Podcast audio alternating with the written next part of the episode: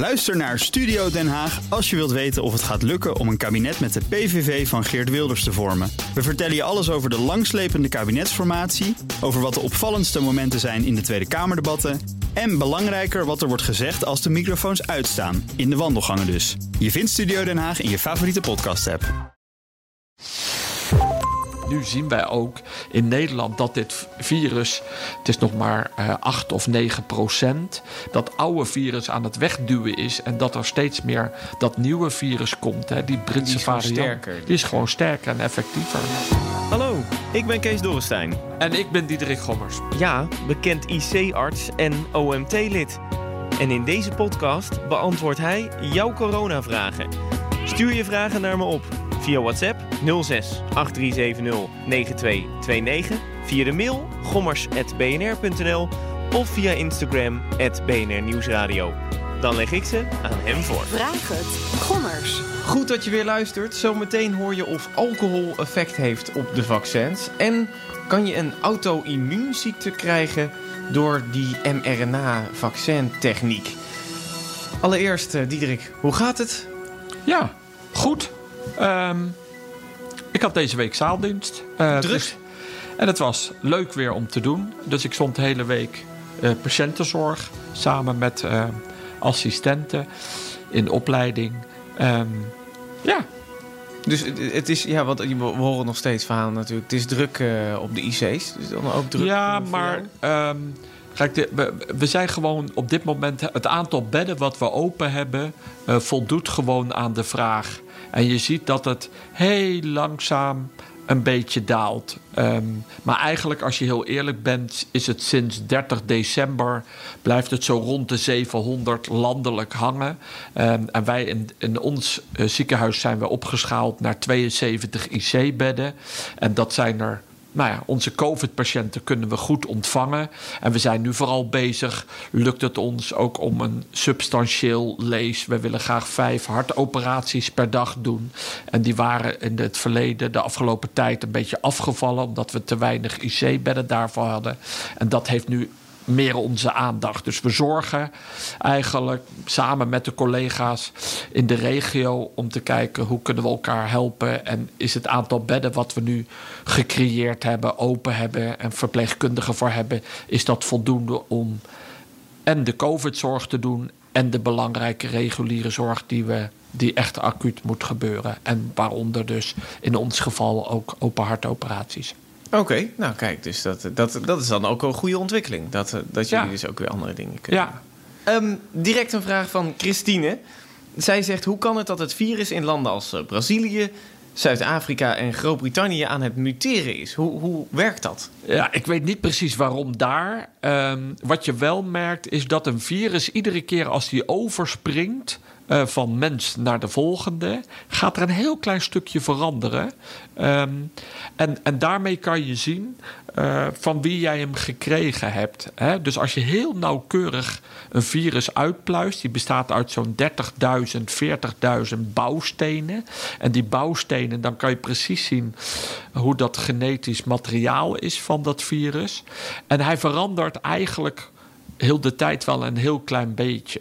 Alleen nu bij die Britse variant is die op zeven plaatsen veranderd. Maar vooral is die veranderd in dat gedeelte die ook die pootjes-eiwitten maakt. En die pootjes-eiwitten, hebben we al vaker gezegd, dat is hoe die zich hecht aan de ACE2-receptor, ja. aan de cel. En dat is een elementair deel, want ja, als hij zich niet kan vasthechten, kan die ook niet uh, binnendringen in jouw lichaam, in jouw cellen. Dus als daar iets verandert, en nou, in dit geval is het zo veranderd dat hij zich heel goed kan vasthechten en makkelijker de cel inkomt, is het idee. Al ben ik daar ook geen expert in. Um, en, en dat is dan de veranderingen die in de Britse variant zit, zit vooral in de veranderingen in dat gedeelte die eigenlijk uh, verantwoordelijk is voor uh, ja, die pootjes. Ja, we zien het coronavirus altijd als een, een, bolletje met allemaal van die pootjes eraan vast. Ja. Als het ware. En die pootjes die zijn dus net iets anders geworden. Ja, maar daardoor wel effectiever. Dus ja, eigenlijk heeft het virus zich aangepast dat het effectiever is om zich te hechten aan de menselijke cellen en daardoor ja, meer mensen ziek maakt eigenlijk. En dan eh, vragen John en Paul van is dit dan het gevolg van een fout of eh, een manier voor het virus om zich te evolueren tot een sterker virus? Ja, nou, dat heeft uh, Marion Koopmans al een paar keer gezegd. Hè? Ik bedoel, virussen uh, muteren en daardoor veranderen ze. Um, en de, sommige veranderingen zijn slecht voor het virus. En dat virus sterft dan uit. En andere veranderingen zijn juist goed voor het virus. En daardoor worden ze effectiever, maar voor ons nadelig. Maar het is dus niet een soort van gepland vanuit het virus... van ik moet sterker worden zodat ik me kan blijven vermenigvuldigen. Nou ja, wel om te overleven. Dus hè, neemt hij een hele andere richting en wordt hij, ja, kan hij zich daardoor niet meer in de mens settelen. Ja, dan heeft hij minder kans om te overleven. En dan verdwijnt het. Is het dan een beetje willekeurig of zoiets van hoe die dan verandert om te overleven? Ja, dat is eigenlijk een beetje de Darwin-theorie van uh, als de aanpassing van het dier zo is dat hij sterker wordt om te overleven en zich daarmee te vermenigvuldigen, uh, dat is zeg maar de overlevings-evolutie. Ja, um, en in dit geval voor het virus. Het gebeurt. En daardoor zie je dat dan zo'n virus. Hè, eigenlijk, misschien mogen we wel zeggen: dit is het tweede. Um, uh, COVID-19-virus. Maar hij is een beetje anders dan we tot nu toe hadden. En nu zien wij ook in Nederland dat dit virus. Het is nog maar uh, 8 of 9 procent. Maar je, je ziet dat die zich steeds dat oude virus aan het wegduwen is. En dat er steeds meer dat nieuwe virus komt. Hè, die Britse die is variant. sterker. Die is gewoon sterker en effectiever. En het zit nu dus voor 8 à 9 procent in Nederland. Ja, als ik. Uh, goed begrijp wel. Oké. Okay. Dus dat is, maar dat, dat kan dus heel snel sterker worden. Ja, dat is het gevaar wat er ontstaat, wat ook in Engeland was. Uh, dat dat virus uiteindelijk, als ja, geen maatregelen genomen zijn en mensen zien elkaar en dat virus is effectiever, ja, dan kan die zomaar de overhand nemen um, en daardoor he, exponentieel groeien. Ja, dat is wat we eigenlijk in uh, maart, april gezien hebben met die eerste virus. Dat je daar ook ineens een, op een gegeven moment, als hij genoeg voorkomt, dat hij dan ineens heel hard gaat. Hè? Dat, dat hij iedere omhoog, week ja. of iedere 14 dagen verdubbelt. Dan een, een vraag die echt heel vaak is binnengekomen. Onder andere Nora, Monique, uh, Anja, Anton, Ronald, Gea en noem maar op, want deze lijst is heel lang. Die hebben het allemaal over een YouTube-video van uh, waarin dokter Theo Schetters wordt geïnterviewd. Dat is een vaccindeskundige, wel, wel wat betreft dieren. En hij zegt dat, uh, dat mRNA, die mRNA-techniek van Pfizer, mogelijk een verkeerde immuunreactie kan oproepen, waardoor we misschien op de lange termijn een auto-immuunziekte zouden krijgen van dat vaccin. Um, is dat mogelijk? Nou, ik heb een beginstukje van de video gezien. En hij zegt nogal wat. Hij begint eerst te zeggen: het is allemaal niet nodig om te vaccineren. Zeker niet iedereen. Moeten we dit allemaal wel willen? Um, uh, die mRNA-techniek is nog nooit ingezet in mensen. Dus hij is nogal stellig in een aantal dingen. En dat kun je wel echt goed weerleggen. Dus veel dingen die hij zegt kan je heel netjes weerleggen dat het zo niet is. Hè? Um, laten we beginnen. Vaccineren is voor ons nu heel belangrijk. Um, en er zijn verschillende vaccins. En waarom is het vaccineren zo belangrijk? Omdat wij graag onze vrijheid terug willen krijgen. Vooral ook eigenlijk om eerste plaats om de mensen te beschermen. En dat zijn vooral de ouderen. Dus 60-plussers, je bent al oud bij 60, ben ik al bijna. um, en, en de mensen die al chronisch ziek zijn en gehandicapten. Dus alle risicomensen, als die het COVID-19 krijgen en ze hebben geen antistoffen, kunnen ze er heel ernstig ziek van worden en moeten ze naar het ziekenhuis. Een groot gedeelte. Ik denk en, nu dat er wel veel mensen aan het luisteren zijn die denken.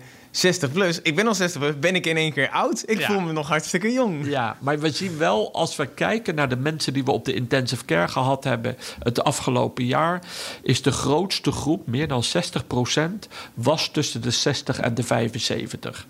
Dus voor mij ben je niet oud.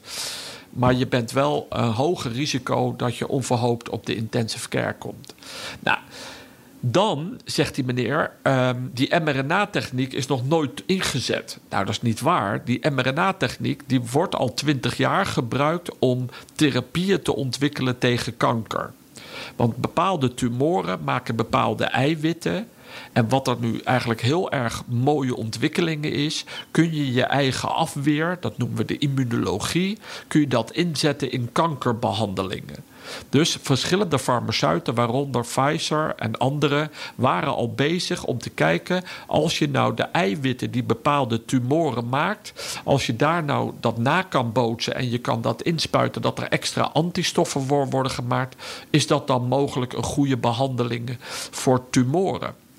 Nou, die techniek hadden ze, die gebruiken zij ook. En toen het COVID uitbrak, hebben ze bedacht: ja, maar. Ehm, kan je niet eigenlijk op deze techniek gebruiken om dan bepaalde eiwitten door het lichaam te laten maken waarmee je dan antistoffen maakt. En wat, eh, welk eiwit hebben ze nou laten maken? Zo bedacht is dat die pootjes weer. Dus die pootjes van het uh, virus, dat zijn eiwitten, die worden gemaakt door dat mRNA.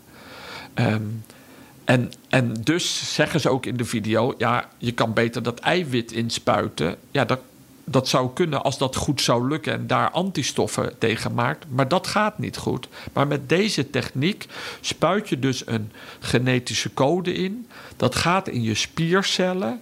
En in die spiercellen worden die eiwitten gemaakt. Die eiwitten die gaan naar de buitenkant van die spiercellen zitten. Het lichaam denkt, hé, hey, daar zitten allemaal rare eiwitten. Daar gaan ze antistoffen tegen maken, antilichamen. En op het moment dat dan later het virus in jouw lichaam komt... dan herkent hij weer diezelfde eiwitten, diezelfde pootjes... en daar liggen de antistoffen Maar dit zijn wel een soort van nepvariant daarvan. Het is niet zo dat je daar corona dan van krijgt. Nee, nee, nee, want het is alleen maar, worden alleen maar die pootjes gemaakt. Dus niet het hele, niet het hele virus. Nou, is het erg dat je mRNA in je cellen krijgt? want dat is wat ze beweren. Je spuit iets in en dat is genetische code. Maar elk virus bestaat uit RNA. Dus alle ziektekiemen, alle cellen, die we, alle vreemde organismen om ons heen, maar vooral de virussen, die, dus ook het COVID-19-virus, dat bestaat uit een veel groter gedeelte RNA. En dat kan ook in jouw cel indringen. Maar door die virussen wordt niet zomaar jouw genetische chromosomen, je DNA veranderd. Dus dat komt wel in de cel, maar niet in de kern van de cel. Iemand noemde dat zo mooi ergens op een YouTube-film, een immunoloog uit Amsterdam. Daar zit de kluis. Hè, in die kluis, daar kan dat RNA niet naar binnen dringen. Dus het kan niet. De, in, in de kluis zit de, de DNA. DNA, dus hè, die, die bepaalt hoe jij bent, welk voor kleur haar je hebt, welke kenmerken je hebt. Dat zit in de kluis. Daar kan je niet zomaar in. En, dus, en er komt vaker RNA jouw cel in, ook virussen. En daar liggen andere organen klaar, de ribosomen. En die ribosomen, dat zijn eigenlijk de, de eiwit uh, fabriekjes. En die gaan eiwit maken. Dus op het moment dat we nu ja, heel mooi bedacht hebben dat je een stukje mRNA inspuit, dat gaat naar die ribosomen. Daar worden die specifieke eiwitten gemaakt. Die gaan op de buitenkant van je cellen zitten en daar maak je antistoffen tegen.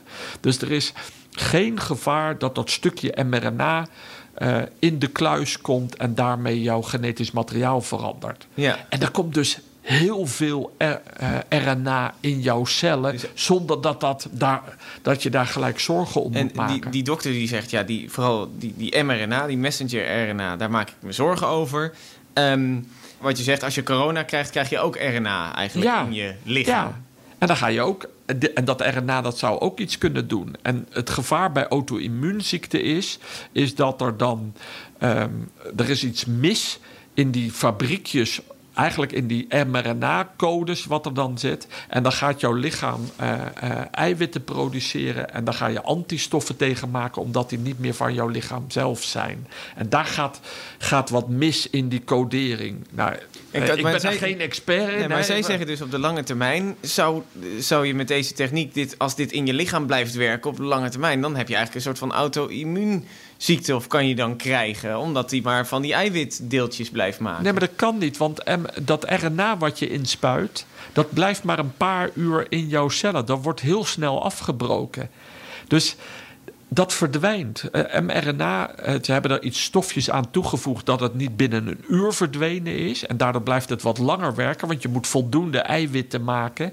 Dus dat mRNA wordt gewoon door je lichaam afgebroken. Dat, dat verdwijnt. Het blijft er niet in zitten zoals Nee, waar zij bang nee. voor zijn. Dus het enige wat erin blijft zitten is je antistoffen en je geheugencellen. Want zelfs als je lange tijd geen COVID hebt, verdwijnen ook je antistoffen. Maar dan wel heb je je T-memory cells die ont- onthouden dat je ooit contact hebt gehad met deze eiwitten, lees deze, dit virus. Dus die genetische code die wordt in enkele dagen, en ik denk zelfs in één dag, maar ik bedoel, daar kan je altijd weer over twisten, want we hebben het niet helemaal precies gemeten. Maar ik heb het nog nagevraagd en Pfizer zegt dat verdwijnt heel snel uit je cellen. Dus stel, eh, er zou een probleem mee optreden, zou je dat eigenlijk ook binnen een dag moeten weten?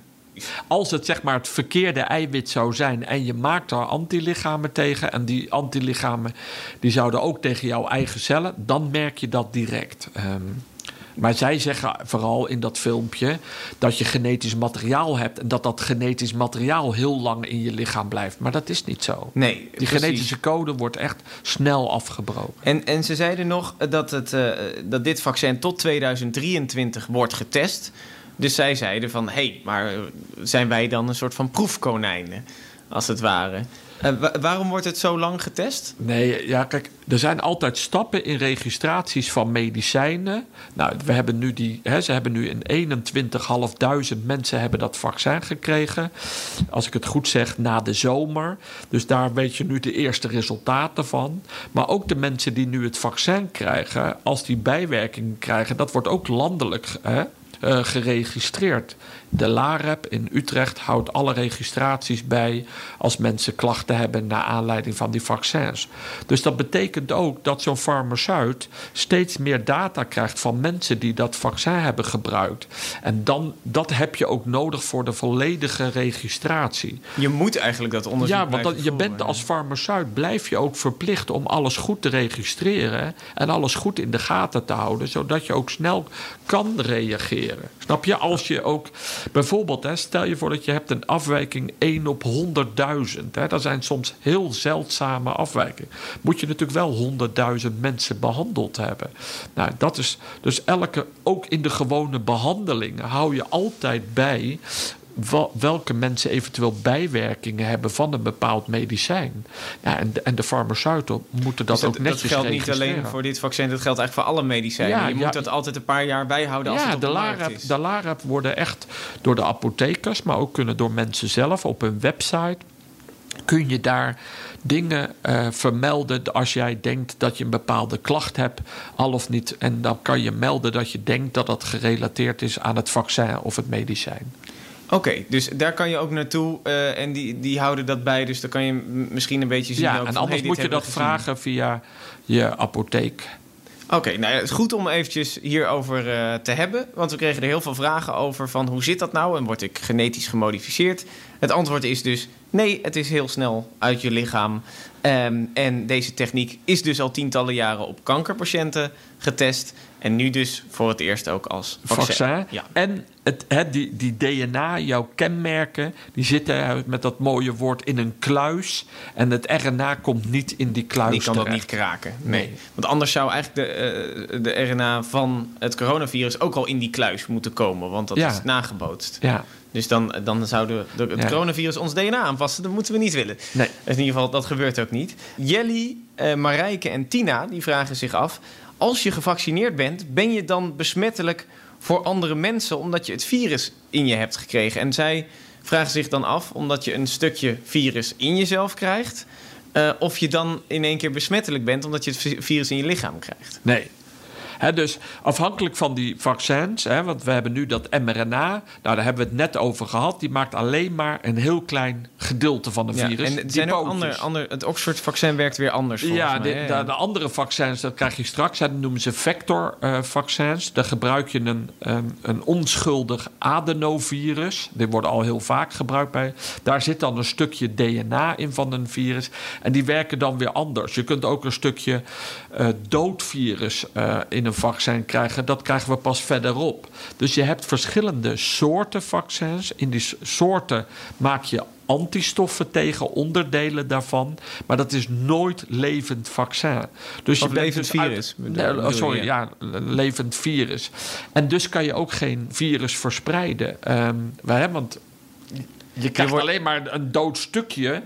Uh, of in de mRNA, je maakt een, een, een onderdeel van het virus, maar dat is nooit een virus. Dus je hebt geen virus in je lichaam. En het virus heeft jouw cellen nodig om zich te uh, vermenigvuldigen tot miljoenen keren. En pas als je, een paar, als je een miljoen virus hebt, dan kan je pas virus verspreiden. Ja, en dat krijg je dus niet uh, als, als vaccin, want dat is iets neps waardoor je antistoffen aanmaakt. Dus het is niet zo dat je dan, als je het vaccin krijgt, dat je in één keer iedereen kan gaan besmetten met uh, corona. Nee. Ineke dan, zij zegt: Ik weeg 46 kilo.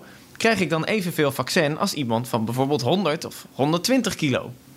Ja, een goede vraag eigenlijk. Want de meeste medicijnen die we geven, die doen we op basis van gewicht. En eigenlijk gaat het over volume. He, dus eigenlijk, je, je lichaam heeft zoveel cellen. En de lengte en, en nou ja, eigenlijk... Dat kan je een beetje berekenen. Een soort van lengte maal breedte maal gewicht. Ja, en, dan en, heb je... en dat is eigenlijk je verdelingsvolume. Daar hebben we het eigenlijk over. Maar bij een vaccin spuit je eigenlijk iedereen hetzelfde in. En maakt het niet uit of je groot of klein bent. Um, en daarop maak je antistoffen. En het is ook eigenlijk maar een hele kleine hoeveelheid die je inspuit. Ik geloof dat het voor het uh, Pfizer-vaccin is het 30 microgram uh, uh, actieve stof die je inspuit. Dat is, ja, dat is bijzonder weinig. Ja, dus of je nou heel zwaar bent of licht, je krijgt eigenlijk van alle twee heel, je krijgt altijd heel weinig. Ja. Ja. ja, dus het is niet zo als dat je, ze zeggen bijvoorbeeld, als je een biertje drinkt, als je meer massa hebt, als je groter bent en zwaarder, dan kan je vaak iets, iets uh, beter ertegen. Ja, maar dat is het verdelingsvolume. Precies, dus dat, is dan, dat geldt dan weer niet voor een vaccin. Nee. Nee, oké. nou, Ineke, uh, maak je geen zorgen. Uh, je, iedereen krijgt evenveel. Um, Jet, Marga, Yvonne en Maria die zijn allemaal allergisch voor medicatie. Of die hebben allergieën die reageren op medicatie. En zij vraagt zich dan af: moet ik me dan zorgen maken als ik het coronavaccin krijg? Want ik kan misschien een allergische reactie krijgen. Kijk, wat nu heel belangrijk is, is dat er bij bepaalde vaccins is er gezien dat sommige mensen iets heftiger reageren met een allergie. En er is dus ook gezegd, en dat wordt ook nagevraagd: uh, ben je makkelijk allergisch en voor wat? Um, en het uh, allerbelangrijkste is, wat er nu afgesproken is, dat als je het vaccin krijgt, moet je nog een kwartiertje in de gaten. Dus je blijft even zitten op de... een stoel en ze houden je even in de gaten. Dan Omdat je zien dat... of je zo'n reactie krijgt. Ja, want die verwacht je eigenlijk acuut. Nou, daar zitten heel weinig bijstoffen in in het vaccin.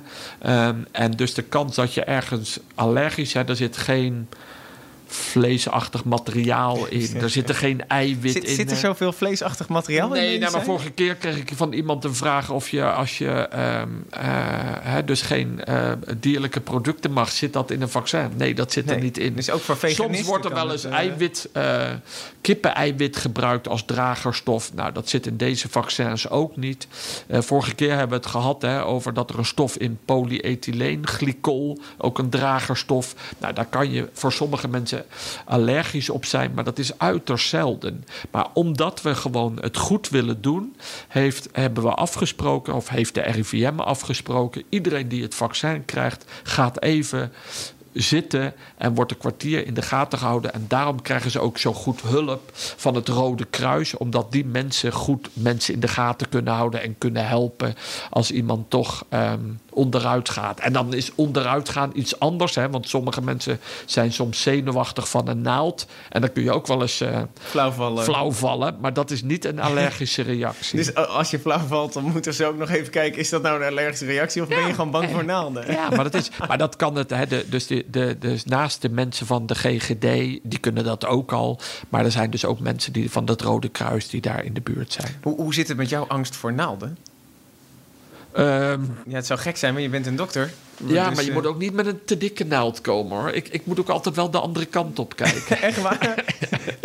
je bent zoveel patiënten aan het helpen. Ja, maar dan, dan, mag ik, dan mag ik de naald erin zetten. Dus het is vooral als je hem zelf krijgt, dan toch even wegkijken. Ja, ik heb dat ja, zelf ook. Ik, ja. ik, ik, weet niet wat dat is. Het is toch een soort van lichte, lichte angst. Maar als je het andersom hebt, dan heb je dat dus niet. Dat is, dan weet je gewoon precies, daar moet ik prikken. En, Ja, nee, maar dan... Ja. Nee, ik zit ook niet te wachten op een hele dikke naald. eh. Nee, dat is eh, toch, toch grappig. Ik ben er ook niet echt bang van, maar Nee, ja, het is ook wel weer grappig. Ja. Het is eh, toch eventjes weg, wegkijken.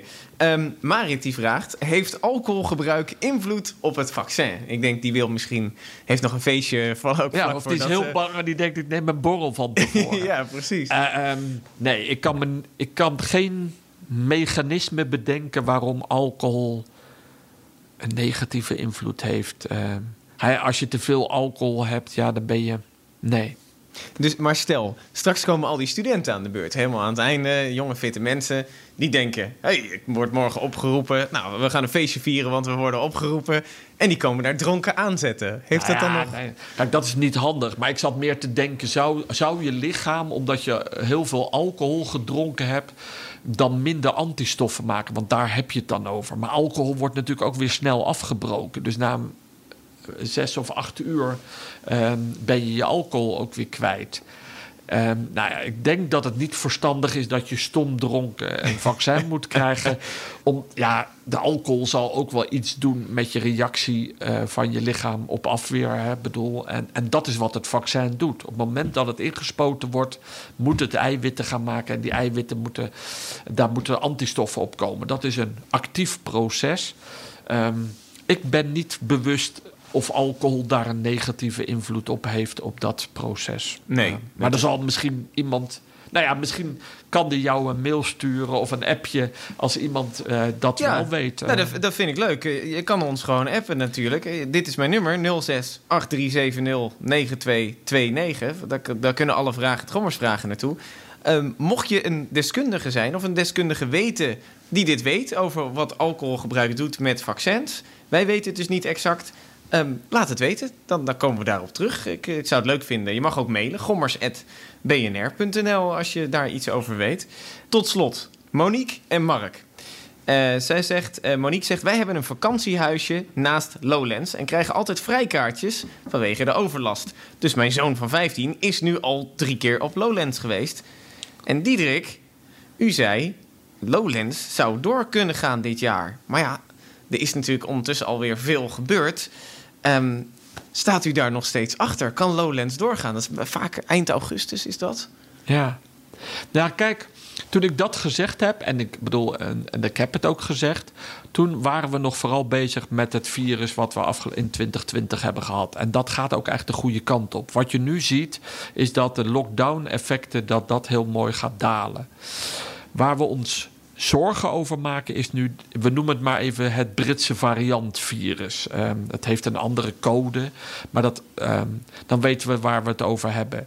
Wat je nu ziet in bepaalde landen, dat dat virus ineens weer keihard aan het groeien is. Ja, in Ehm, Groot-Brittannië zie je dat. Groot-Brittannië, maar je ziet het nu ook in Spanje, in Portugal. En, en dat maakt ons zorgen. En we noemen dat nu, is dat dan een, nieuw, een soort nieuw virus, lijkt het wel. Ehm, en nu komen we wel een beetje in de problemen. Want eigenlijk willen we zo snel mogelijk mensen vaccineren. Maar hoe snel? Want we weten dat dat virus in Nederland is. Het is een kleine 10% nu van de, van de mensen die besmet zijn, zijn door de Britse variant. En ik hoop toch zo dat het vaccineren sneller gaat dan dat die Britse variant zich kan verspreiden. En daarom is het nu ook zo moeilijk. Welke maatregelen moet je nog handhaven zodat die Britse variant niet de overhand krijgt en niet gaat groeien? En er valt of staat daarmee. Dus we zijn nu van. Het is nu moeilijker te voorspellen. Het is hoeveel vaccins krijgen we? Eh, hoe snel worden die geleverd? En kunnen we zo snel mogelijk zoveel mogelijk mensen vaccineren? Dat wordt nu nog belangrijker.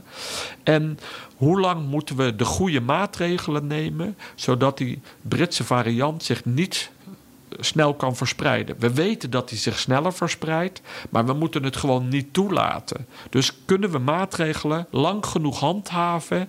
Zijn we dan bijna allemaal gevaccineerd? Of in ieder geval de risicogroep, hè, wat we daar straks gezegd hebben, de 60-plussers. Als dat gelukt is, dan zijn we rond de zomer in controle. Ehm, Omdat als het dan heel erg gaat verspreiden, dan raakt het in ieder geval niet die groep. Dat ja, is het dan. Ja, en dan komen we daardoor niet in de problemen. Maar het is dus wel. ehm, met al die berichten en dingen is er ja. echt wel een andere situatie ontstaan. Eh, en het is nu nog een beetje kijken in de glazen bol. Maar er wordt nu wel heel hard gewerkt en heel veel overleg gevoerd met andere landen, eh, de RIVM, om te kijken hoe, het, hoe, hoe hard het daar gaat, welke maatregelen ze nemen en of wij of eventueel ook dezelfde maatregelen moeten Dus nemen. zoals een avondklok bijvoorbeeld. Is nu in Frankrijk. Ja, maar daar wordt dus ook naar gekeken. En dat hebben we al gehoord hè, van het kabinet, dat ze dat overwegen. Ja, dat, dat, dat op zich dat, daar gaan ze ook weer eh, bij u voor terugkomen. Want u zit in het OMT. Dus Ja. dan, eh, dan Ja. die, die wordt weer om een advies gevraagd. Ja, Bij wijze van. ja dus, dus ehm, Maar dat is, het is dus nog niet, wat u betreft, het, of een avondklok of dat. Het wordt ook een beetje gekeken naar wat, wat werkt in het buitenland. En helpt dat om het virus een beetje in ja, en vooral neem je de goede maatregelen tegen wat je ziet gebeuren nu. Ehm, Dus tegen je? het, Britse... Ja, want we hebben nu gezien dat de lockdown helpt dat de, eh, mensen minder reizen. Dat is gelukt. Er worden minder gewinkeld. Ja, logisch. Eh, er gaan minder mensen naar school. Eh, daardoor verspreidt de jeugd het minder snel. Maar we zien het nog wel in de jongeren. Dus 20, 25, daar zien we wel nog relatief te veel besmettingen. Dus je moet de juiste maatregelen nemen tegen de groepen en de gebeurtenissen die je ziet in je data. Eh, en daar zit de RIVM nu bovenop. Oké, dus dat is nog eventjes kijken van welke extra maatregelen... Ja, als, als die maar, maar, de, zijn, maar de, dat is al vaker gezegd. Wat we nu zien gebeuren in het buitenland, hè, je ziet het nu ook in Ierland. Het kan ineens heel hard gaan. En daar is iedereen wel heel erg van geschrokken. Dus ehm, wij bereiden ons voor op die Britse variant, die eventueel een hele ernstige derde golf zou kunnen veroorzaken. En daarom wordt er nu zo hard achter de schermen nagedacht, nagedacht ehm, wat, wat, wat belangrijk is en eh, wanneer wat we moeten afspreken met Oké, elkaar. ja. eh, eh, Monique en Mark die zeiden ook nog... mocht Lowlands niet doorgaan, zijn we natuurlijk ehm, erg verdrietig. En dan gaan we een Ajax-kersttrui naar u opsturen... die u dan moet dragen. Oh, dat- ja, nou ja, goed. Laten we dat afspreken, maar die dragen Daar kan je niet voorkomen. Daar- kan je niet mee eh, langskomen hier in Rotterdam natuurlijk. Nee, nee, zeker Dan niet. word je met pek en veren de stad uitgejaagd. Absoluut. Ze hebben je nog nodig. Ja. nou ja dat, het, ja, dat is dus eh, spannend. Dan eventjes afwachten, denk ik dan. Hè? ja, Ja, nou ja. En ehm, eh, Monique, begin alvast maar met breien. Je weet het, eh, je, weet, je weet het nooit natuurlijk. Diederik, eh, tot de volgende. dankjewel.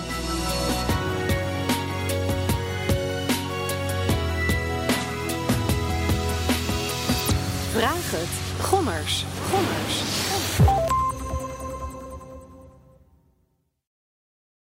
Ook Harm Edens vind je in de BNR-app. Je kunt BNR Duurzaam niet alleen live luisteren in de app, maar ook terugluisteren als podcast, zoals al onze podcasts. En naast dat de BNR-app Breaking News meldt, houden we je ook op de hoogte van het laatste zakelijke nieuws. Download nu de gratis BNR-app en blijf scherp.